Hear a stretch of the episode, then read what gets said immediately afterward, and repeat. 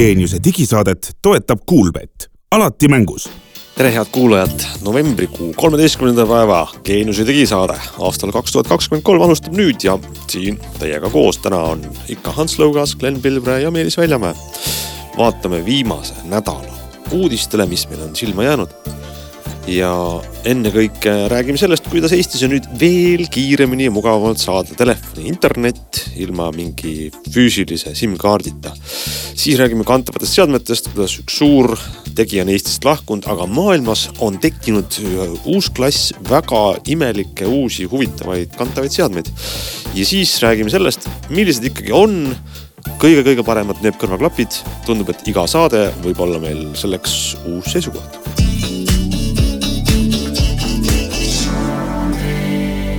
alustame võib-olla siis telekomi uudistega, kuigi ma arvan, et meil siin kõigil on olemas tele, telekomi ja mobiilnumbri jaoks leping ja meie kuulajatel on siis äh, kõnekaart on sellegipoolest väga mugav ja mõnus viis kiiresti ühendust saada ja nüüdsest ähm, on meil esimene Eesti kõnekaardi pakkumine, kus sa saad e-SIM-iga endale telefoniühenduse.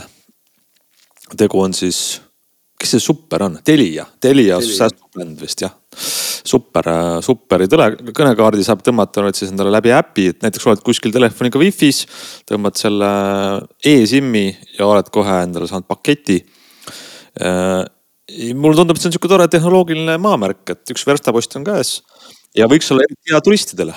Äh, turistina olen ma seda kogemust kogenud, käisime suvel Inglismaal ja siis ma võtsin sellise virtuaaloperaatori nagu Airalo e-SIM-i, siis inglis, kuna Inglismaa teatavasti ei ole enam Euroopa Liidus ja sinna enam ju paketis olev Euroopa Liidu maht ei, ei lähe ja muidu on jube kallis, siis äh, võtsin selle ja see töötas üllatavalt hästi ja, ja siis, kui ma nüüd seda Telia uudist nägin, siis äh, nende korduma kippuvate küsimuste all on kirjas, et äh, see käib nagu nii, et sa siis lähed äppi ja äpist siis ostad ära selle virtuaalse SIM-i nii-öelda ja siis sulle saadetakse email, et email on kohustuslik anda neile, eks ole, saadetakse emaili peale see vautšer QR koodiga. sa peaks seda nagu skännima. tegelikult on nii, et, et eh, kuigi seda vautšerit saab skännida telefoniga niimoodi selle e-SIM-i installides, tegelikult sa ei pea seda tegema. vähemalt Androidi puhul oli niimoodi, et, et lihtsalt kui ma selle olin ära ostnud, siis see, see mm, nii-öelda äpp ise tõmbas selle e-SIM-i profiili alla ja aktiveeris selle ilusti ära, et ei olnud probleemi. ja ühtlasi sai siis ka valida umbes nii nagu sa poes, kui sa lähed eh, siis omale kõnekaarti ostma, saad sa valida, müüja paneb sulle lao peale hunniku pakette, ütleb, et vali siit üks number, mis sulle meeldib. siis ka seal äpis on siis kaksteist numbrit, mille vahel sa saad valida, rohkem ei anta, kaksteist on see päris korralik number, ehk siis kolm lehekülge, iga lehekülje peal neli numbrit. see on väga lahe. ja muidugi hea on see ju ikkagi kah turistidele, kes siia tulevad, et nad ei pea siis minema kuskile bensukasse ostma ja meil on see veel praegu veel lihtne, eks ole, aga mujal maailmas on see veel keerulisem. aga nüüd on see veel lihtsam, noh ainuke probleem on see, et sul peab olema siis e-SIM-iga telefon, eks ole, et noh, kõik iPhone'id, kõik Pixelid, kangemad Samsungid, äh, uuemad Huawei, need äh, Xiaomi'd, aga, aga odavamatel telefonidel enamasti reeglina ei ole. kõige odavam, mida ma tean, mida ma ise olen proovinud, millel on e-SIM, on Galaxy A54, mis maksab kolmsada viiskümmend eurot, eks. vahele lihtsalt ruttu selle ka ära, et kes siin kohalikus, kohalikult tahab siis e-SIM-i kasutada, et siis täna ei toimi seal, eks ole, mobiil-ID, küll aga Smart-ID. ja teine tegelikult suur ja võib-olla veel suurem probleem, kuna jah, mobiil-ID probleemist saab reeglina enamuse asjade puhul eh, üle just siis Smart-ID-ga Smart. Mm -hmm. siis eh, suurem probleem on see, et e-SIM-i endiselt, kuigi e-SIM-i on tehtud mingi pea kümme aastat ja GSM assotsiatsioon ehk siis see ühing, kes, kes selle SIM standarditega tegeleb, lubas, et eh, selle kasutamine on kasutaja jaoks ja ümbertõstmine veel lihtsam kui füüsilise SIM-kaardi oma, siis tegelikult praegu on ikkagi seis selline, et sa ei saa tõsta e-SIM ühest telefonist teise. Eh, operaatorid väga seda lubada ei taha ja seal on mingid tehnilised probleemid, praegu on lihtsalt see, et kui sul on siis lepinguline eh, number, siis sa lähed operaator ise teenindusse ja võtad omale ja uue selle vautšeri ja skännid selle. aga sa saad ikkagi just. vana telefoninumbri juurde jääda. jah, saad vana telefoninumbri juurde jääda. ma tean, et Apple ja Google üritavad nagu nii-öelda jõuga seda lahendada ja oma siis nii-öelda pikslit pikslil ja iPhone'ilt iPhone'ile üleminekul nad suudavad seda profiili kopeerida. aga erinevate mudelite vahel, erinevate tootjate vahel see ei ole võimalik praegu. Telia ütleb samamoodi, nad tegelevad sellega ja ongi nüüd e-SIM-i puhul või kõnekaardi puhul on ju see probleem, et see ei ole isikustatud, ehk siis sa ei saa, see number ei ole sinuga seotud ja sellepärast on see, et kui midagi juhtub, siis sa jääd sellest e-SIM-il olevast numbrist ilma. Telia on teinud ühe back-up variandi, see on siis see, et kui sa äpis isikustad selle ära ehk seod selle oma isikukoodiga, siis sa saad minna Telia esindusse, öelda, et kuulge, et mul oleks nüüd vaja see e-SIM ümber tõsta siis nad annavad sulle füüsilise superi plastikust SIM-kaardi, aga seda füüsilist SIM-kaarti pärast uuesti e-SIM-iks sa teha enam ei saa. ehk siis see back-up on see, et sa saad e-SIM-i asemel sama numbriga tavalise SIM-kaardi, aga see eeldab seda, et privaat sellest nii-öelda anonüümsusest pead sel juhul loobuma, sest et nad nõuavad, see oleks isikustatud, sa tõestad ära, et see, see e-SIM kuulub sulle, eks ole, või see telefoninumber. nii on, aga vaatame korraks veel edasi, mis viimasel nädalal uudist on. Fitbit Fitbit on, kuidagi tõmbab oma tegevust kokku sõna otseses mõttes, sellepärast et äh, nad teatas, et nad äh, ametlikult lõpetavad oma kõigi toodete müügi paljudes riikides, sealhulgas ka Eestis mis, no võime kohe arutada, mis see siis tähendab. võib-olla oluline info on see, et ega niikuinii on väga palju edasimüüjaid, et kui te vaatate Eestis Fitbiti mingit mõnda käe, käevõru või käekella, siis küllap on keegi neid toonud ja äkki edaspidi tooma, lihtsalt ametlikult nad nagu ütlevad, et ei ole Eestis enam müüa. aga mis te nüüd vaata, arvate sellest asjast, kas Fitbit äh, oma Google'i all on nagu noh, kas seda hapnikku keeratakse vaikselt kinni või?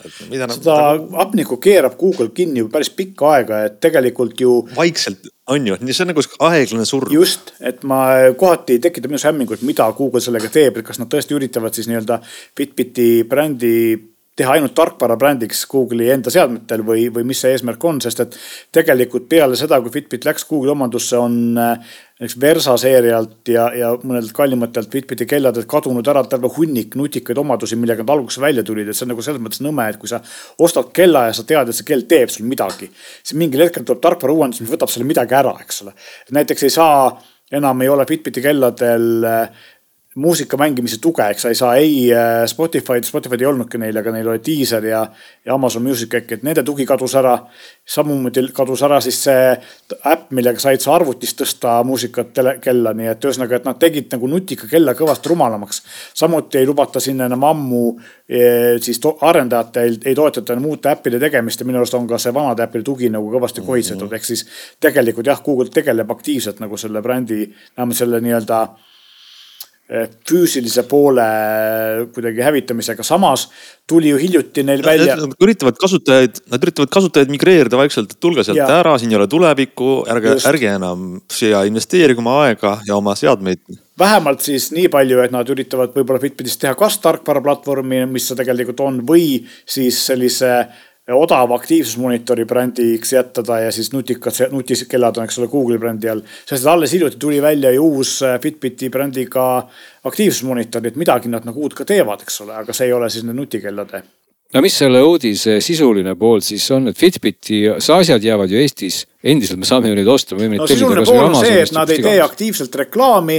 Kui sa ostad selle kuskilt Saksamaalt, sa võid vabalt öelda või ma ei tea, mõne e-poe kaudu, eks ole, kuskilt Poola laost. Nad võivad öelda, et sorry, aga ühel hetkel, et, et ise olid loll, et ostis, sest et me ei toeta enam teenuseid, on ju noh, need praegu nad ei tee seda, aga nad võivad seda teha. siis tähendab seda, et on nagu reaalne oht, et, et äpi pool enam Eesti regioonis ei olegi saadaval nagu. no näiteks on, aga, Fitbitil on näiteks Fitmin Premium ka selline tellimus äh, ja. lisateenustega on ju, ütlevad, et kui see sinu tellimus tellimusperiood läbi saab, siis äh, sa saad veel kolmkümmend päeva lisaks ja pärast seda sinu konto siis nagu kolib astme võrra allapoole, et seda tasulist teenust enam ei jää.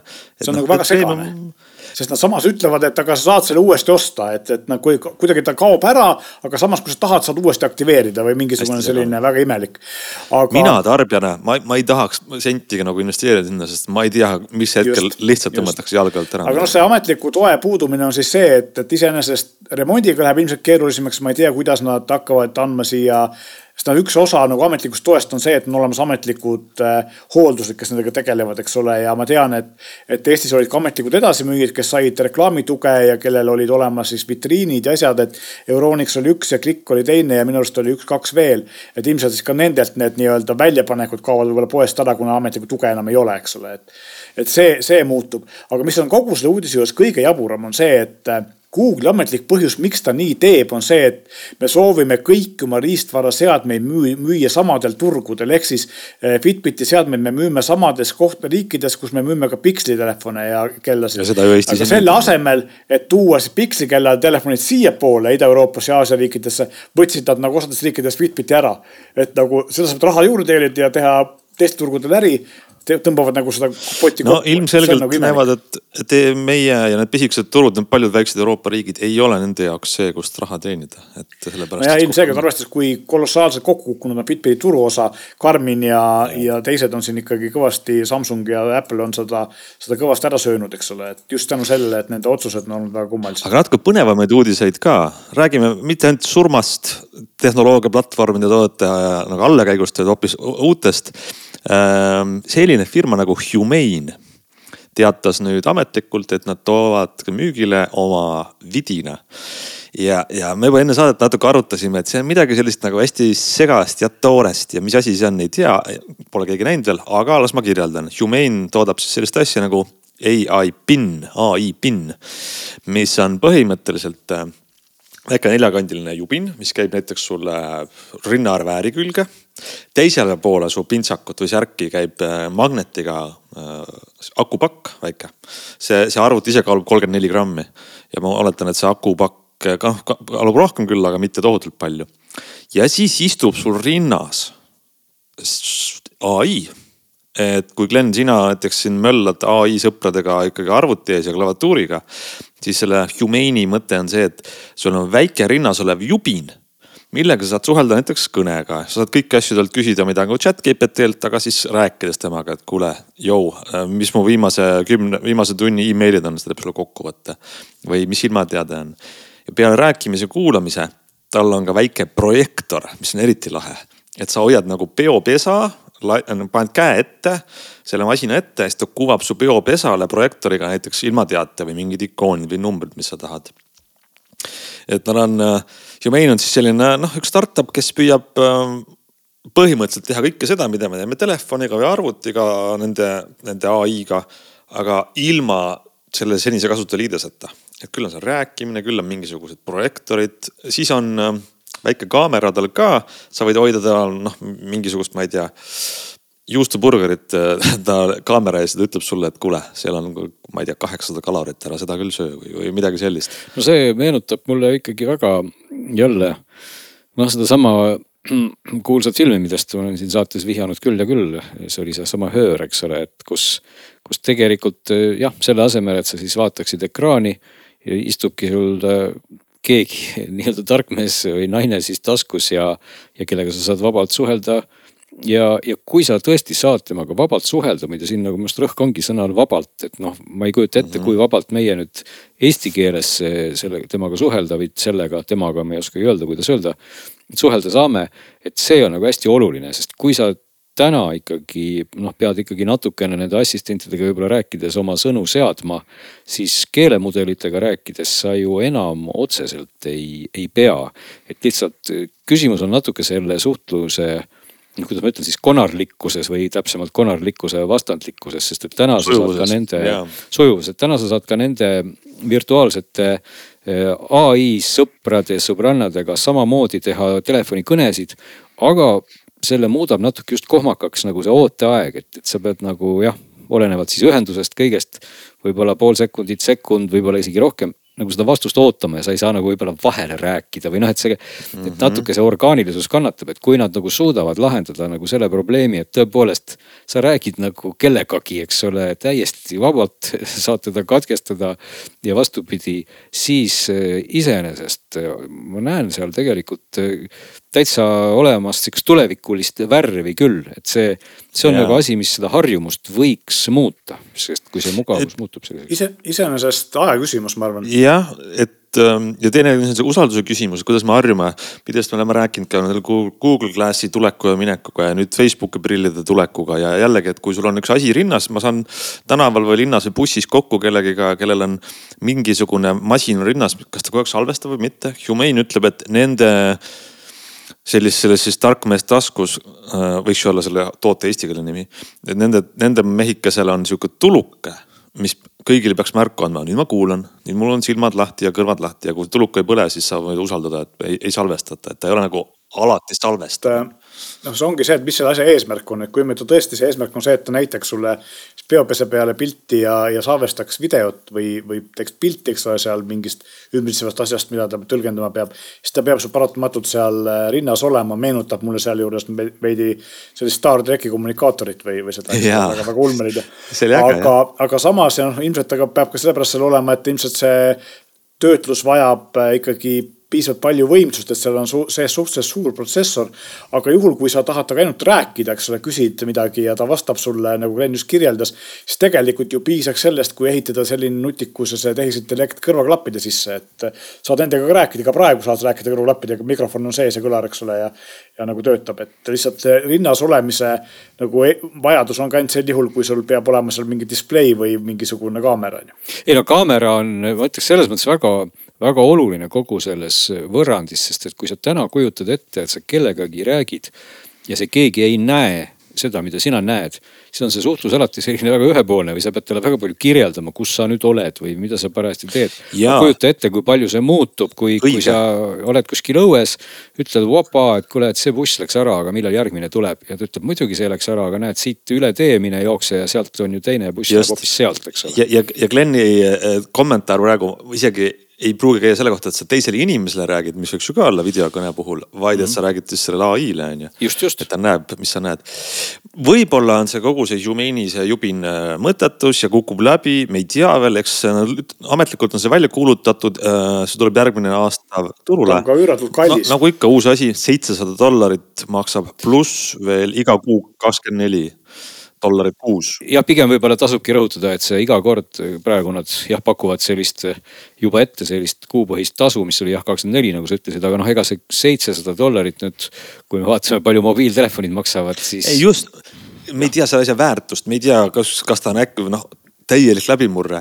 ma tahan öelda seda, et minu arust on äge see, et me oleme natuke sellises mingisuguses äh, segaste katsetuste ajajärgus jälle. et ei ole, et kõik telefonid on valmis, mõni üritab volditavat ekraani teha, see on kõik. vaid on mingid vennad teevad seda rinnas olevat abimeest. siis Apple arvab, et me kõik peaks ringi käima mingite suurte nende kuuprillidega on ju, või kiivriga. võib-olla need kõik asjad on mõttetud, aga vähemalt katsetatakse. ei no ilmselgelt on praegu ikkagi see koht, et et see muutus nüüd siis aeglasemalt või kiiremini ju hakkab juhtuma, et seesama keelemudel, mis jõudis meile kohale juba peaaegu aasta tagasi, juba tekitas selle arusaama, et me oleme võimelised tehisintellektiga rääkima ja saama sealt abiks olevat infot, aga me peame oma küsimustes sõnastama alati selle, mida me tahame saada, aga kui seesama tehisintellekt sõna otseses mõttes kuuleb ja näeb siis ta saab juba nii palju sisendit ilma meie abita, et ja. assisteerida palju orgaanilisemalt ja, ja see on tõesti see koht, kus, kus võib toimuda see, see siis noh, nihe või mis iganes nagu. kuidas me seda nimetame, meie tänases suhtluses kogu selle tehnoloogiaga, eks ole, sest meie tänane telefon on ikkagi see, kus me toksime näppudega ja see ongi ainus sisend sinna telefonile, okei okay,, me võime teha mõne pildi ka siia-sinna.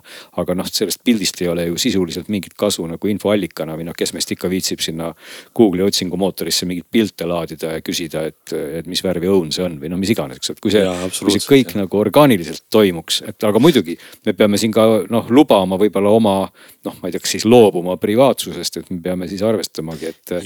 et need seadmed kuulevad ja näevad kõike meie ümber. minu arust on väga-väga hästi öeldud ja ma arvan, et me oleme sellises põnevas, põnevas kohas praegu. ma ja sujuvalt lähen järgmise uudise juurde ka, mis on ka jällegi väike uudisike. aga enne kui me pikema teema juurde lähme, siis mainiks ära. esmapilgul nagu mm, imelik uudis, IKEA tegi nüüd uue LED-riba, saad panna endale koju ilusate LED-lampide riba on ju ja, ja nagu ikka IKEA teeb, et asi on piisavalt hea hind, piisavalt hea, umbes kolmkümmend eurot maksab, pikk äh,. saad muuta värve aga miks ma sellesse teemasse selle kuidagi uudises sobitan, on, et jällegi kohe algusest peale on see Apple'i HomeKiti ja Google Home'i ja Amazon Alexa toega. Äh, läbi siis selle, läbi IKEA enda keskseadme. ja, ja see on juba kohe see, et, et noh, muidugi on hästi mõnus, lihtne vajutada lüliteid kodus seina peal, sest sa tead, käib klõps, sa tead, mis juhtub. aga kõigi nende, et iga elektroonikatoote puhul on sul kohe olemas see võimalus, et sa võid, kui sa nüüd vähegi viitsid öelda, et kuule Apple'i, kuule Siri või Google, Google, pane tuled põlema, pane tuled kustu, pane tuled roheliseks, pane mm, nagu timmerda neid siis heledamaks või pimedamaks. See on ka jällegi selline asi, et me kaotame ühe vahekihi ära, kuidas juhtida mingisugust elektroonikat, ma ei tea, kas nüüd lampide puhul see on nii suur vahe, aga et sul igal elektriseadmel on olemas juba põhimõtteliselt äh, selline äh, tugi, et sa saad neid juhtida läbi mingisuguse assistendi. et see on iseenesest huvitav. ja et noh, tegelikult ju jah, üks probleem on siin see palju räägitud Mäder ja, ja selle tugi, sest et eh, IKEA tõi siin aasta algusest müügile oma uue haabi ja siis mõned uued nutiseadmed ja. kuule, see oli juba kaks tuhat kakskümmend kaks minu arust, kui IKEA lubas. Lubas, et ta kohe-kohe annab sellega, kui Mäder ametlikult välja tuleb, saab see kohe Mäderi toe või no nii peagi. aasta on möödas, Mäder on ammu väljas ja IKEA lükkab seda Mäderi tuge kogu aeg edasi ja ikkagi tahab, et me ostaksime nende haabi ja siis kuidagi see käiks Mul... nagu mitme erineva haabiga. et iseenesest need seadmed on. mina ju... olen see eksperimenteerija, mina ostsin, lõin naela seina kirve äh, tagumise osaga, riputasin sinna selle IKEA Dirigiera väikse kettakese ja istun iga hommiku ja ootan tarkvara uuendust aasta aega, mida ei tule, on tarkvara uuendust. mina tegin teistmoodi, mul on ka paar äh, IKEA köögilambikest ja, ja Samsungi Smart äh, Pingsi haab, mis, mis tegelikult siis toetab Zigbee seadmed, mis IKEA seadmed on. Nende tööle saamine seal ei ole väga lihtne, sest et ametlikult äh, IKEA neid ei toeta, eks ole niimoodi. aga mm. tegelikult töötab ja, ja tegelikult saab tööle, aga noh, see ei peaks olema nii keeruline, vaid see Just. peaks olema lihtsam ja ootame, millal see Mäteri tugi siis lõpuks saabub. no aga siinkohal võib-olla üldse peaks või on see eraldi juba liiga pikk teema, et mulle natuke eemalt vaadates ka tundub, et palju üldse on neid selliseid, siis neid standardeid ja kogu neid äh, nutikuse tsentraliseerijaid, et kui me teame, et Philipsil on ju ka oma mingid Hue seeria lambid ja mingid bridge'id ja connector'id ja siis Hue, on Samsungil midagi ja. just, et kas kõik need siis peaks läbi selle Matteri toe nüüd käi- või noh, et, et see tundub ju jube segane see maailm, et kui ma tahaks nüüd oma no. kodu ära nutistuda valgustusega, et ja. siis äh, palju neid termineid peaks üldse teadma palju, aga kiirelt kahe sõnaga võibki seda kokku võtta niimoodi, et Matter kui standard tehtigi sellepärast, et Apple, Google, Amazon ja Samsung, eh, siis suured tegijad said aru, et, et see vähk, eh, mis iganes Krõlovi valmis tuntud kolm tegelast, kes saani erinevates suundades veavad, see asi hästi ei tööta, eks ole, et kõik üritavad teha oma sellist äh, kõrgete seintega aeda, kuhu kõigi kasutajaid lukku panna ja see, see tegelikult tekitab kasutuses palju segadust, sest nad tegidki Matter standardi, mis peaks siis kõigi nende tootjate ja kõigi väiksemate tootjate seadmed nagu ühte lihtsasse võrku liitma. ütleme siis täna on niimoodi, et kui seda Matteri tuge pole, siis selles oma ökosüsteemis nii-öelda nad ju töötavad, eks ole. kui ma ostan just. selle, olgu see siis Philips või mis iganes muu ja ma ei tahagi sinna integreerida midagi muud, siis ma saan tegelikult hakkama, aga. et kui sa oled Apple'i inimene, sa ostad HomeKiti asjad, eks ole. selline näide ongi, et ütleme, kui praegu IKEA toodetel Matteri tuge ei ole, aga nad on piisavalt suur firma, nad on investeerinud, et nende vidinad töötavad siis kolme erineva selle aiaga, Apple'i, Google'i ja Amazoni aiaga. Aga Matteri tugi annaks põhimõtteliselt võimaluse, et kõik omavahel olevad seadmed. ma võin mm -hmm. oma Apple'i ja Siri ja Google'i käske saata läbi ühe kesksüsteemi, aga mille küljes on Siri'ga mitte seotud mingid hoopis muud asjad, aga Matter ja. on siis see nagu ühine selgroog. see pidurdamine, ma olen aru saanud, tegelikult tuleb sellest, et tegijad on aru saanud, et lõpuks ka Belkinil on minu arust mingid hädad seal Matteriga.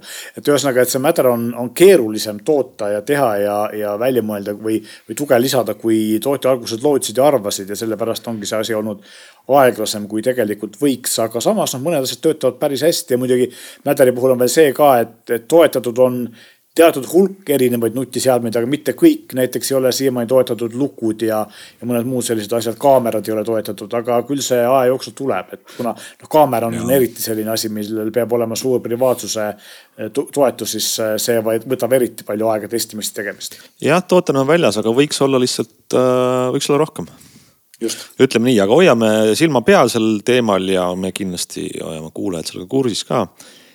Kas täna meil on võimalus rääkida pikemalt äh, põnevatest ja meil on igakuine või igakvartaalne see klapisaade või? minu arvates, kui sa, kui sa nüüd niimoodi ütled, siis kas see oli, oli see eelmine saade, kus ma vist rääkisin pool, ei, see vist üle-eelmine saade, ühesõnaga mingisuguses saates minu arust Jabra kõrva, kõrvaklapid said kas siis teenitult või isegi natuke võib-olla teenimatult väga palju meil eetriaega, aga see oli suhteliselt hiljuti igal juhul. nii et mulle tundub, et kõrvaklappe või noh, täpsustame siis. no see oli üle-eelmine saade jah, kui aus olla, aga, aga ütleme nüüd siis. Neid nii-öelda neid nööpe on nii palju tulnud viimasel ajal jah, aga see, võtame korraks, astume sammu tagasi, need nööbid on kõige popimad ja lihtsamad ja praktilisemad kaasaskantavad elektroonikaseadmed no,. mugavamad on, kui aga... telefon ju või, või muud klapid, et nööp kõrva ja mis, mis meil täna menüüs on, nööbimenüüs? no minu menüüs jõudsid Huawei uued nööbid, Huawei'l on neid ka sellises koguses ja numero, numeroloogia seal taga on üksjagu segane, aga need on siis need jälle kõige kõigemad, mida tähendab siis täht Pro või, või, või lühend Pro. Huawei Pro kolm, FreeBuds on siis Huawei nimetus nendele kõrvanuppudele, nööpidele. FreeBuds Pro kolm, et Huawei'l on veel ilma Prota neid FreeBuds'e terve terve rivi ja seal numbrid ulatuvad natuke kõrgemale, nii et eh, peab olema nagu tähelepanelik siis, et. et mis FreeBuds'e sa parajasti vaatad, seal on vist mingid i-d ja ilma i-ta ja kui nendega igapäevaselt ei tegele, on see segane, aga need on siis kõige-kõigemad Pro kolm Huawei FreeBuds on minu laual. minu laual on mitmed asjad, kaasa arvatud needsamad eh, jabrad, mis, millest Glen eelmine kord rääkis. aga minu selline staar sel korral on eh, Technicsi AZ kuuskümmend M2-d, mis äh, ei öelnud mulle midagi, aga millest ma siis varsti räägin, et nad on päris üllatavad mitme koha pealt. kuule, aga räägi Glen ära, miks seekord Huawei'd ikkagi sinu jaoks on äh, sellise heli sinu kõrva helisema jätnud? no tegelikult ma alustaks ka natuke kaugemalt, et ennem kui minu vahekord Huawei'dega muutus selliseks sensuaalseks, oli see üsna konarlik, sellepärast et nimelt ei õnnestunud mul neid neid oma telefoniga paaritada, sest ma hakkasin seda tegema suhteliselt sellisel hämaral ajal õhtul. ja, ja mulle tundus, olles just eelnevalt äh, pikemalt siis äh, tarbinud neid jabrasid. mulle tundus, et nende karbi peal ei ole enam seda nuppu, et vanasti Huawei nendel karpidel oli alati seal külje peal see nupp, mida tuli siis vajutada, et, et noh klapid paaritada ära telefoniga. ja seal noh põgus selline silitamine ja vaatamine seda nuppu ei tuvastanud ja, ja noh, ma siis arvasingi, et näed, et Huawei on ka sellest nupust loobunud, et noh, pole hullu. et Jabral ka ei olnud nuppu ja, ja nii mõnelgi teisel tootjal muide ei ole nuppu seal kuuleri karbi küljes, olgugi et enam, enamikul siiski on. aga neid, kellel ei ole, tuleb teha mingeid muid trikke, noh, ma ei tea, kas seal vajutada mingeid nuppe korraga siis nende kuulerite enda peal või mida iganes. no ühesõnaga tegin siis kõik toimingud äh, nii-öelda nagu ikka peaks, avad oma Bluetooth seadme, seaded ja ja noh, loomulikult sealt ma neid klappe siis ei näinud, et nad oleks nagu telefonis nähtaval, et, et palun ühendu nüüd minuga. no tegin sellest järelduse, et ilmselt on mul vaja siis seda Huawei ai nimelist äh, äppi, see on Huawei ai Life oli vist selle nimi. ja see minu telefonis on küll olemas, kuna ma olen Huawei asju kasutanud, see on üks nendest äppidest siis, mida ei saa noh Google'i poest omale Play Store'ist ei saa, sa pead minema siis Huawei lehele ja selle äpi sealt äh, omale laadima Android seadmesse ja noh, kellel seda ei ole, et see on võib-olla nagu esimene põrge, et see tuleb siis kohe sinna saada, noh, mul oli see äpp olemas, tegin selle lahti. ja tõepoolest minu suureks rõõmuks see äpp siis konkreetselt leidis ikkagi kohe üles, et näed, sinu läheduses on uued Huawei FreeBuds kolmed, kas ühendume? ma ütlesin muidugi ühendume ja siis ta hakkas ühenduma ja see protsent jooksis seal umbes kusagile kolmekümneni ja sinna jäi telefon ütles, et palun pane nüüd ikka see karp omale tele, nii-öelda kuuleri karp telefoni lähedale ja mis iganes nõuanded. noh, juba hakkasin teatavaid vandesõnu mõttes moodustama ja ei lähe üle kolmekümne, no mis seal ikka. siis otsisin kuskilt riiuli sügavusest üles mõned teised Android telefonid. tõmbasin ka sinna äpi nimega ai Life jõudsin täpselt sama kaugele, siis otsisin üles ühe Huawei telefoni, kus kõik need igasugused asjad peaks olema kohe sees. ja jõudsin jälle täpselt sama kaugele, kõik see võttis juba minu õhtust ära minuteid, et mitte öelda tunde ja mul ei õnnestunud seda ühendada, siis ma pöördusin interneti poole, et aru saada, kuidas ühendatakse neid klappe siis telefoniga. internetis igalt poolt kogu info, mis ma sain, oli vanemate klappide kohta, mitte nende uute FreeBuds kolmede kohta, sest need on nii uued. Ja igasuguseid videoid oli küll ja kõik nad lõpetasid ära samas kohas või alustasid vajuta nuppu karbil. mille peale ma vandusin, et aga kurat, kasutades kohe seda sõna, mul ei ole ju seda nuppu. no ühesõnaga minu sahmimine tol õhtul tulemuseni ei viinud. ja lühidalt öeldes järgmine päev leidsin ma sealt karbi pealt nupu ka mina olen ühe, ühtede klappidega samasuguse situatsiooni ees olnud, kus nupp peaks olema ja nuppu ei ole ja siis tuli välja, et nupp on nagu nii märg-, vaevu märgatav, puutetundlik, eks ole, et me ei saanud aru. ma, lihtsalt tundsin ikkagi, et, et lollus ei tunne ka piire, et on ka see täiesti olemas. et, et noh, täiesti selline idioodi tunne oli, see nupp on seal olemas, aga Huawei on selle nupu maskeerinud nagu niivõrd ära, et, et noh, ta on lihtsalt tõesti ütleme tehnilise disaini tipp et see nupuprofiil ja korpuse profiil, nad on nagu praktiliselt noh, sa ei näe, sa, sa tegelikult ainult väga heas valguses sa tuvastad, et seal on imepeenike vahe, mis on võib-olla mingi üks mikron. ja tegelikult see karbi pind ja nupp on lihtsalt nii ühtne pind, et ma ütleks küll disaineritele, et arvestage, et inimesed on lollid et tehke see nupp kasvõi teist värvi, kui teie karp on. et see, see on, see on koht, mida peab vajutama, et, et noh, ma saan sellest rääkida praegu pool saadet, kuidas ma ei leidnud nuppu. et see on väga oluline, et, et öelda suurte tähtede ja, ja punase värviga, et see nupp on olemas ühesõnaga, kui see nupuvajutus ära teha, siis tegelikult seda äppi nimega ai Life ei ole üldse, noh otseselt ei ole vaja nii et, nii et kogu selle saaga võib siis ka tagasi kerida, et kui nüüd alguses tundus, et ilma selle ai Life'ita üldse Huawei asju ei saa tarbida. saab küll, et tegelikult nupuvajutus siis loomulikult maagiliselt äh, paneb need äh, klapid siis paaritamisrežiimi ja loomulikult Bluetoothi seadete alt on nad siis kohe lupsti ühendatavad ja ühenduvad kohe ära. nii et äh, õppige teiste vigadest vajutage nuppu, sest et isegi kui tundub, et seda nuppu ei ole, siis see tegelikult on vähemalt Huawei klappidel, aga noh, Jabra klappidel tõepoolest seda nuppu ei olegi, nii et seal polegi kuskile vajutada. aga kui nüüd jah, asjast endast rääkida, siis on jutt tegelikult jälle väga lühike, et ma peaksin äh, eelkõige vabandama nende kuulajate eest, kes jõudsid nüüd selle nädala jooksul või kahe nädala jooksul minna poodi osta omale Jabra klapid. sest ma kiitsin neid üksjagu palju, kui ma mäletan. ma ütleks, et see ei olnud tegelikult hea otsus et te oleks pidanud ootama ära selle saate, kui ma räägin Huawei nendest nööpidest. sest et, sest need Huawei kuularid, nad on, nad on tõepoolest erakordselt head, ma pean jälle seda ütlema, see on nagu nii kummaline, et ma peaks iga kord igas saates ma saan mingi uue asja ja siis mulle tundub, et see on veel parem. sest et tõepoolest, ega need Huawei Pro seeria nööbid on muidugi olnud päris head nagu üldse, aga ma mäletan küll vähe, vähemalt praegu nagu häguselt, et et oli ka Huawei'l just nagu seda probleemi varem, et, et nad pidid olema sul kõrvas hästi. et kui nad ei olnud sul kõrvas tihedalt, see otsik ei sobinud, siis eh, võis juhtuda niimoodi, et basse pole, heli on kõhna ja, ja ei ole see asi nagu kõige parem. nüüd nende puhul noh, ka sirvides nende turundusmaterjale, kus nad tegelikult muidugi sind igasuguste terminite, numbrite, protsentidega kohe nagu surnuks tulistavad. siis siin ongi läinud kõik asjad väga palju nutikamaks ja targemaks ja väidetavalt eh, saavad nad nüüd aru, kui hea on sul siis see tihendus või noh, inglise keeles seal, seal, see, see ühenduvus sinu kuulmekanaliga ja kompenseerivad seda. kas see tõesti tõele vastab, on nüüd raske öelda, aga praktikas see tundub nii olevat, et sa ei pea, nagu ma rääkisin ka nende jabrade puhul, et ei pea neid sugugi kruvima jõuga omale kuulmekanalisse. paned nad lihtsalt kõrva ja sealt tuleb väga-väga tüse bass. et siit tuleb isegi see bass, ma julgeks öelda, on, on isegi võib-olla liiga, liiga bassine on see. kui sa tõepoolest ei ole selline fänn sellisel väga mõnusal ja tüsedal bassil. Huawei ise ütleb, et siia sisse on nad mahutanud siis kaks driver'it või seda nii-öelda valjuhääldit, elementi. üks ongi siis puhtalt äh, lairiba bass, teine on siis kõrged sagedused.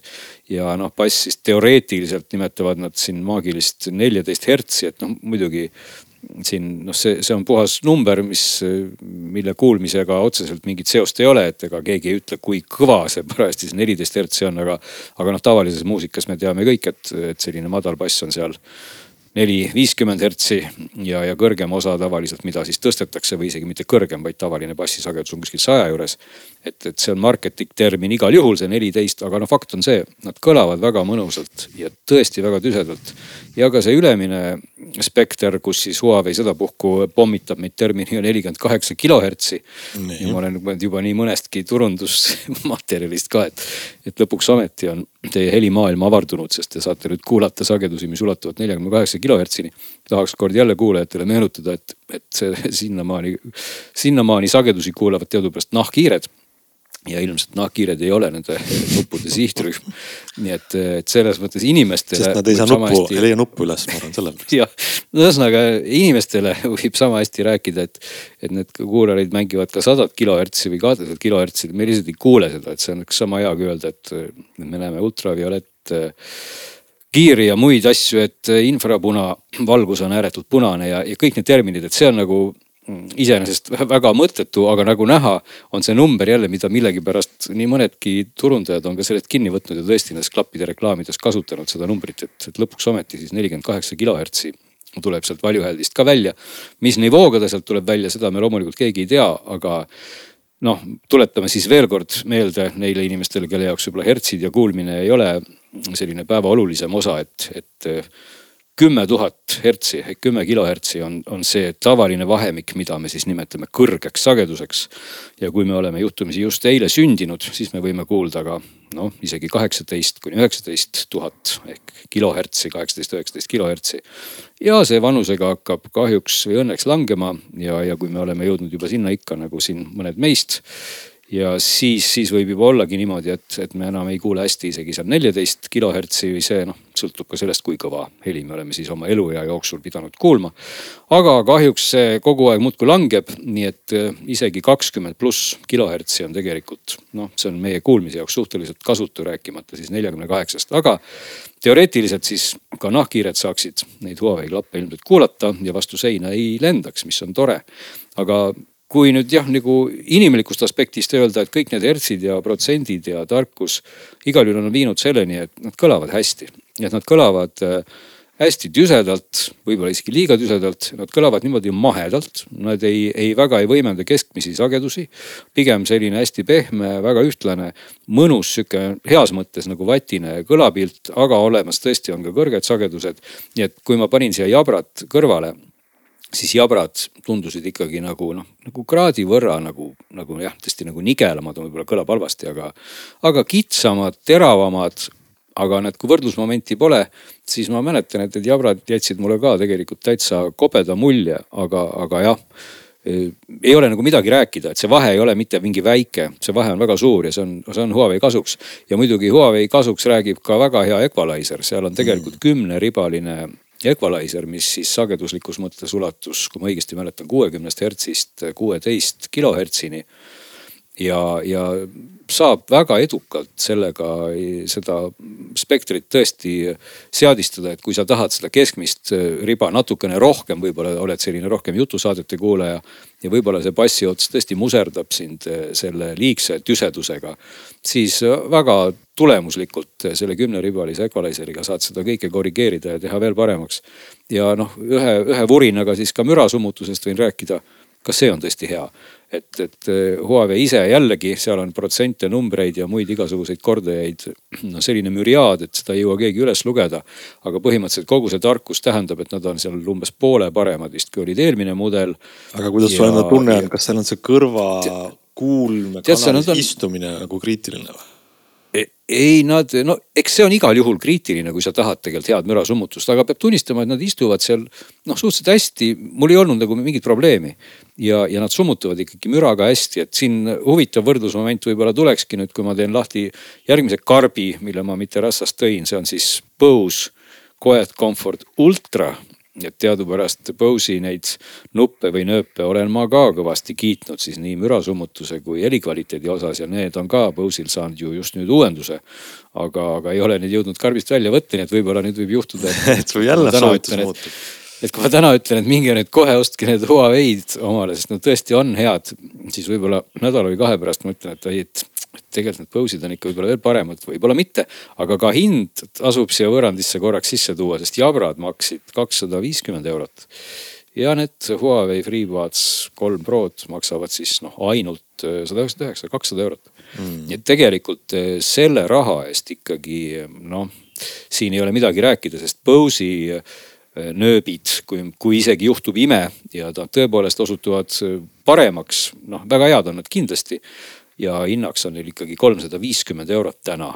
nii et, et selles valguses Huawei on vaieldamatult praegu noh, kahesaja euro eest pannud ikkagi lauale nagu tõesti suures koguses tehnoloogiat ja, ja, ja väga-väga head, väga head sound'i ja, ja kõik on seal tõesti hea. et võib-olla, mis, kui ma mõtlen praegu, mis ei olnud väga hea, on see, et võib-olla see on minu personaalsest kõrvaehitusest kinni, aga mul on paar korda juhtunud seda, et ma võtan selle nööbi omal kõrvast välja. Ja mulle jääb see kummijubla kõrva.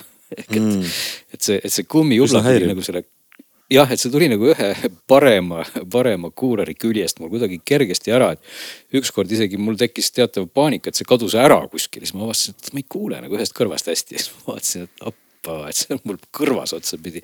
aga see me..., see on nagu kummaline natukene, et no, sa pead olema tähelepanelik. jääme siis ootama, et kuidas äh, soovitused muutuvad, aga, aga me, Meelis äh, kannatamatult ootab ka miks Technics on siis uudiskünnist ületanud ja tegelikult on siis, alustan sellest, et äh, sekundeerin, räägin siin korraks Glenni kuulsast nupust. Äh, nimelt siin viimase mõne päeva jooksul olen saanud proovida lausa viit erinevat paari kõrvaklappe ja kui Glen ütleb, et enamusel on nupp, siis viiest ühel on nupp minu omadest, see on Sony. siis, siis lausa nii jah. ja Samsungitel ei ole, Technicsil ei ole, Jabradel ei ole ja nii edasi, nii et ühesõnaga jah, et ma ütleks, et enamusel ei ole nuppu. aga see selleks, aga Sonyl on see nupp väga sarnane, aga ta on tehtud natuke niimoodi, et see paistab paremini silma. sest noh, kui ma ei eksi, paranda mind, kui ma eksin, et eh, oli ka ju Apple'i omadel, AirPodsidel on ju ka nupp ei ole, ei mäleta, ei oska. no vot Hans vist on, Hans, Hans on meil Apple'i mees, on ju nupp sinu, sinu kõrvaklappide karbil ikka. karbil on väike nublukas, millega siis käivitada seda. jah, no vot ilmselt on aeg muutunud, et eh, olid ajad, kus enamikul oli nupp, aga nüüd tõesti siis tundub, et eh, et, et nuppe on jäänud vähemaks ja, ja noh, ma saan vähemalt ennast õigustada vähemalt nüüd selle tähelepanekuga, et kuna enamikul ei ole nuppe, siis minu nupu otsimine nagu ma lõingi hästi ruttu nagu käega, et mulle tundus, et seda nuppu ei ole, siis seda ei ole, aga näed, Huawei'l on nupp, nii. ja, aga rääkides siis Technicsist, siis Technicsiga on nagu selline värk, et eh, tegemist on brändiga, millest nooremad kasutajad ja kuulajad ilmselt kunagi kuulnud ei ole. erinevalt Sonyst või Apple'ist või ka isegi Jabrast, eks ole või Huawei'st, eh, siis eh, Technics tegelikult on, oli siin paarkümmend aastat tagasi või kaheksakümmend, üheksakümnendatel selline väga populaarne ja kõik inimesed Eestis tahtsid endale väga osta Technicsi muusikakeskust. rääkimata sellest, et eh, siiamaani DJ-d kasutavad, eks ole, legendaarseid Technicsi vinüülplaadimängijaid, mis lihtsalt on pommikindlad, on nii töökindlad, eks ole. ma arvan ka nagu, et inimesed ikkagi teavad sealt, et kes on vähegi peol käinud, siis Technicsi mm, seal mängijal keerab plaat aga Technics on siis tegelikult eh, Panasonicule kuuluv eh, high-end või selline HIFi audiobränd ja no vahepeal nad lõpetasid oma tegevuse ära peale siis nende profitoodete, millega DJ-d kasutasid. aga viimase mingi viie aasta jooksul on tagasi tulnud, on teinud väga kalleid võimendeid ja kõlarid ja nii edasi ja nüüd on nad ka siis tulnud Technicsi brändiga kõrvaklappi turule, et pakkuda konkurentsi siin eh, Sonyle ja Apple'ile ja, ja noh, tegelikult ka siis Huawei'le, Jabrale ja Bose'ile, eks ole. ja minu käes on siis Technicsi kõige kallimates klappides üks aste allpool olevad AZ kuuskümmend M2-d, mis on siis AZ kuuekümnendate uus mudel. ja kui ma alguses need sain, siis ma olin nende suhtes üsna skeptiline juba sellepärast, et noh, keegi ei räägi neist, järelikult nad ei saa ju head olla, eks. aga tegelikult üllatus-üllatus, noh, esimene asi on see, et nad on siis äh, sellised jabra tüüpi disainiga, et kui me siin rääkisime Huawei'st, Huawei'd on sellised ju noh, AirPodsi disainiga, et neil on see vars, eks ole. varrega klapid mulle tegelikult isiklikult väga ei meeldi, aga see on nüüd maitse asi. siis Technicsid on sellise klassikalise, ma ei tea, siis äh, pisikese disainiga. muide, ma segan sulle korraks vahele, kui sa seda lihtsalt mainisid, mulle tuli lihtsalt see, see meelde, see nüanss seoses nende varrekeste ja kogu selle asjaga, et olid kas ei olnudki need eelmised Huawei äh, FreeBuds kahed Prod, mida oli karbist peaaegu võimatu kätte saada, ilma et sa ei loeks manuaali siis nüüd on toimunud suur muutus ja need kolm Prod tulevad karbist imehästi välja, et sa saad tõesti neid karbist väga hästi välja, aga nad on jah, endiselt disaini mõttes on selle varrega. aga ma pean ütlema ka, et kui mul oli Jabraga nagu võrdlus, ma isegi ütleks, et see vars nagu kõrvapaneku mõttes ei ole nagu paha, aga, aga loomulikult see on puhtalt selline maitse asi. see on puhtalt maitse asi ja, ja siis noh, nad on natuke suured just sellepärast, et ilmselt siin tegelikult peab ju olema mingisugune kompromiss heli kvaliteedi ja suuruse vahel, ehk siis väga väikeste klappidesse sa ei saa panna head äh, valjuhääldit ja sellepärast võib-olla ei saa see heliga nii hea olla. Technicsid on natuke suured, nad ulatuvad kõrvast natuke rohkem välja kui need Jabrad või, või Samsungid, aga vähem kui näiteks Jabra kaheksakümmend viis D-d, mis on siin paar aastat vanad mudelid. et nad on sellised noh, täiesti okeid, istuvad üsna turvaliselt kõrvas kus nüüd algavad nagu pihta sellised eriomadused või asjad, mis on ootamatud, on see, et esiteks tuleb nendega kaasa mitte kolm, mitte neli, vaid seitse erinevas suuruses paari neid kubijublakaid no ma ei tea, kas ja... see on hea, on see hea või halb, ma, ma no,, ma ei oska nagu ausalt öelda. mina kasutasin, proovisin kõiki, kusjuures äpis on olemas siis ka võimalus, et ta samamoodi mängib muusikat ja testib, eks ole, ja, ja sealjuures, mille peale mina pole kunagi tulnud, ta võib soovitada seda, et kasuta ühes kõrvas suuremat ja teises väiksemat sest nii on nagu heli kõige optimaalsem. see võib olla võimalik jah. just, aga mina lõpuks jäin, ta soovitas mulle kasutada ühes M-i ja teises L-i, aga ma läksin, jäin ikkagi selle juurde, et, et need eh, karbist välja võttes kaasa tulevad M-id on või küljes olevad M-id on minu jaoks kõige optimaalsemad, sest L-id jäid natukene, võisid hakata haiget tegema kõrvadele. ja teine suur üllatus on see, et mürasummutus on üllatavalt hea nagu ikkagi märgatavalt parem kui jabradel, ma ütleks, et sarnane Sonydele või AirPods idele, et seda ma ei oodanud. teine asi, mida ma ei oodanud, on see, kui head häält nad teevad ehk siis nad ka hääle poolest, mul on ka need Sony XM5-d, millest ma küll seekord ei jõua rääkida, sest ma olen neid liiga vähe kasutanud, aga ma ütleks, on selgelt parema heliga kui need jabrad. Nad on parem, sarnase heliga kui need Sonyd, aga mulle meeldib nende Technicsite bass rohkem, ta on kuidagi konkreetsem. mul ei ole sellist muusiku kõrval nagu Glenil, sellepärast ma ei oska öelda, mis on vahe seal sagedustes või miks see bass nagu minu jaoks meeldivam on, see on kindlasti ka maitse asi, aga ta on minu jaoks meeldivam. Eh, üllatavalt hea mürasummutus, üllatavalt hea heli ja koodekite poolest on siis eh, väga sarnased Sonyle olemas eh, loomulikult SBC ja AAC, kusjuures mida ma veel märkasin, vähemalt Samsungi telefoni puhul, kõikidel klappidel, mida ma olen kasutanud, mitte ükski neist vaikimisi ei ühi, ei ühenda ennast SBC-sse, vaid kõik lähevad AAC peale, mis on kvali, parema kvaliteediga. vanasti oli see, et Androidiga läks kõik mm -hmm. SBC-sse ja iPhone'iga AAC-sse e,. olemas on ka LDAC, mis on siis Sony koodek, mis on kõigil Androidi telefonidel vaikimisi sees ja, ja mis on ka olemas sellel Huawei'l, ka Huawei LDAC-i toetab. ja, ja siin on nüüd see asi, et me võime rääkida sellest, kas LDAC-ist on kasu või mitte, kas seda vahet tegelikult kuuled. mina ütleks, ma natuke kuulen, aga see võib olla vabalt platseebo efekt. küll aga, kus ma selgelt kuulsin vahet esimest korda, oli see, et ja kus ma just LDAC-i vahest aru sain, oli see, et kui ma panin nende klappidega mängima raamatu siis ma tundus, et ahah, et midagi on nagu teistmoodi või valesti, sest et, et raamatu see näitleja, kes seda loeb, kõlab kuskilt kaugelt nagu lava pealt või kuidagi nagu mingisugune ruumilisususefekt on juures midagi muutunud. ja, ja siis ma jagasin lahti, et tõenäoliselt on selles süüdi see, et Samsungi telefonid kasutavad ju teatavasti Dolby Atmost ja see on sisse lülitatud automaatprofiilis. ja Jabra klappidega, millel on siis SBC või AAC ma ei saanud sellest vahest aru, siis ma võtsin telefoni kätte ja hakkasin proovima seda Atmose nii-öelda efekti sisse-välja lülitada ja tuligi välja, et et see Atmose tekitatav filmi või ruumilisuse efekt tuleb LDAC-i nende Panasonicu klappidega oluliselt rohkem esile ja jabradega ma praktiliselt seda vahet ei kuule. ja see oli nagu üllatav teine huvitav asi, mis nendel klappidel on, mida ma paljudel teistel või noh, tegelikult ma ei olegi varem näinud, on see, et tal on eh, multipoint kolme seadme vahel, ehk siis ma saan ühendada sinna korraga kolm seadet ja ühe nuppvajutusega nende vahel vahetada, et see on, tavaliselt on kaks seadet. kaks on ja Huawei'l on ka kaks.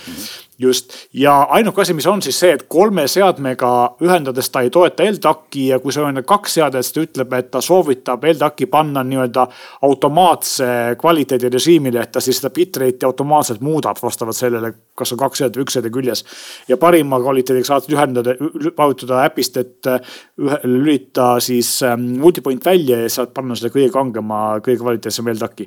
ja loomulikult teine asi, mis on muutunud nii Sonydel kui nendel, mida varem ei olnud, oli see, et vanadel Sony klappidel, kui sa lülitasid LDAC-i sisse, siis sa pidid loobuma equalizer'ist, siis need uued, nii Sony kui Technicsid saab kasutada nii LDAC, LDAC koodekit ja samal ajal kasutada equalizer'it. Equalizer'id on samamoodi nii käsitsi kui ka siis erinevad äh, nii-öelda eelhäälestatud profiilid ja need töötavad väga hästi ja muideks ka mürasummutus töötab, kui ma ütlesin, töötab väga hästi ja mürasummutus erinevalt Sonydest näiteks jabradest on mürasummutuse nivoo reguleeritav Mm -hmm. et see on nagu väga hea ja loomulikult siis ka see hear through või see nii-öelda eh, väliste helide kuul-, sissetuleku nivoo on reguleeritav ja ma ütleks, et et no päris hea, kuigi noh, siin on teada, et ükski teine tegelikult ei saa selle välisheli eh, nivoo, kvaliteedile vastu AirPodsidele, AirPods Prodele antud praegusel hetkel, et need on, need on siiamaani selle koha pealt kõige paremad. aga kas seal ütleme, kui kasutamisest rääkida veel, et no Huawei'l, mis on, on väga hea, millega siis Apple on omale salaja siis eh, integreerinud, on seesama helivaljuse muutmine nagu üles-alla libistades, eks ole, jabral oli see ühe poolega vajutades, et et kuidas selline igapäevane kasutamine on? vot see on teine asi, mis on väga maitse asi ja see on nagu minu selline isiklik kiiks, et mulle väga meeldib, kui ma saan eh, helitugevust reguleerida klapi peal näpuhoidjateks pikalt vajutades või alternatiivina, kui on varred, siis varrel libistades, nagu on AirPodsil või on eh, Huawei'del, eks ole. Eh, paljudel seda ei saa üldse teha või mitmetel klappidel ei ole üldse, näiteks OnePlusi klappidel pole üldse võimalus helitugevust. no nüüd muidugi tuleb tunnistada, nagu sa ütlesid nupu kohta, et see on ära kadunud väga paljudele nendele nööpidele on tulnud siiski nüüd kujul või teisel see ja. helivaljuse reguleerimine ka juurde. Eh, OnePlusi klappidel näiteks siiamaani ei ole, see on nagu kurb mm. -hmm. siin on niimoodi, et eh, kurvastuseks ma tuleb öelda, et, et ta ei toeta minu lemmikviisi ehk siis pikalt all hoides helitugevuse reguleerimist, vaid saab. ma kohe ütlen, kuidas saab, saab panna selle kas topeltklõpsu või kolmekordse klõpsu alla, eks ma pean mitu korda seda niimoodi klõpsutama seal, siis ta töötab. aga pika, äh, pikalt all hoides saame ainult kas aktiveerida heli selle assistendi, lülitada sisse siis mürasummutuse või selle läbikuulmisrežiimi või lülitada klapid välja.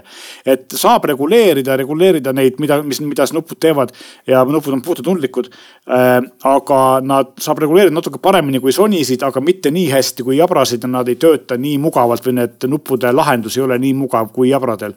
aga noh, samas ei saa kurta, sest et et iseenesest on see võimalus olemas ja nupud on üsna tundlikud.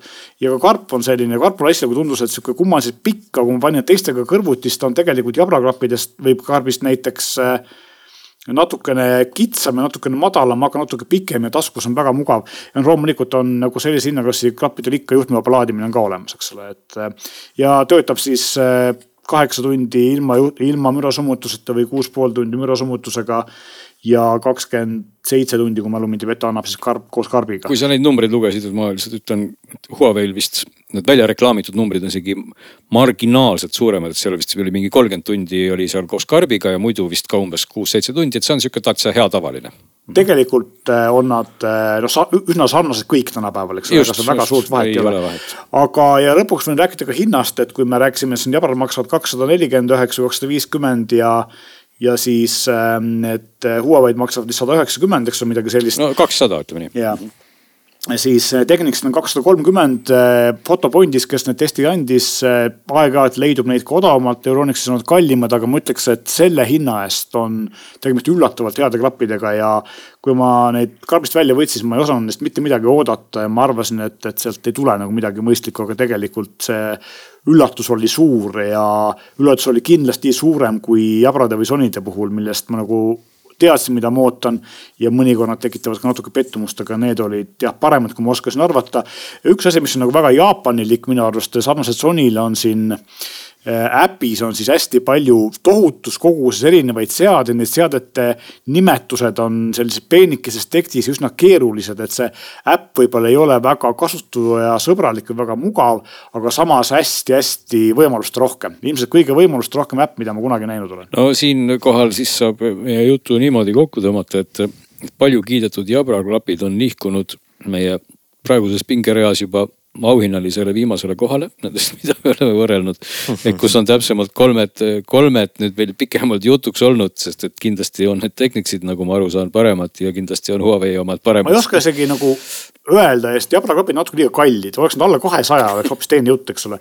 praegu Huawei'd ma ei ole proovinud, aga kui ma võrdlen siin neid jabrasid ja Technicseid, siis Technicsitel on parem heli neil on parem, kõvasti parem mürasummutus, aga mulle meeldivad jabrad kõrvas mugavuse poolest ja siis ka selle nuppude juhtimise poolest rohkem. maitse asi, eks ole, ühed head omadused, teised head omadused. ma võtaks võib-olla niimoodi veel hoopis kokku, et et võib-olla muutub kõik järgmine nädal või järgnevatel nädalatel, kui me räägime Sony siis äh, nendest Ei. XM5-test. ja, ja Bose'idest. kusjuures on olemas kahed Bose'id, ühed on siis need äh, nööp-Bose'id, mis on siis see Quiet Comfort Ultra ja Bose'il on siis ka uued kõrvapealsed mm,. no see on juba teine kategooria. seda küll jah, aga siin mõlemad ootavad pähepanekut mul praegu riiulis nukralt, nii et siis saab näha, kuulda. no selge, aga meie saatega tänaseks läbi, millest me ei jõudnud rääkida, on uus GTA kuus, mis on nüüd ametlikult välja kuulutatud. sellest saate lähemalt kuulda Puhata ja mängida podcast'is, tõmmake viimane osa alla ja saate teada, millal see mäng päriselt välja tuleb. või siis esimesed selle riismed meie ütleme nägemist ja oleme tagasi nädala pärast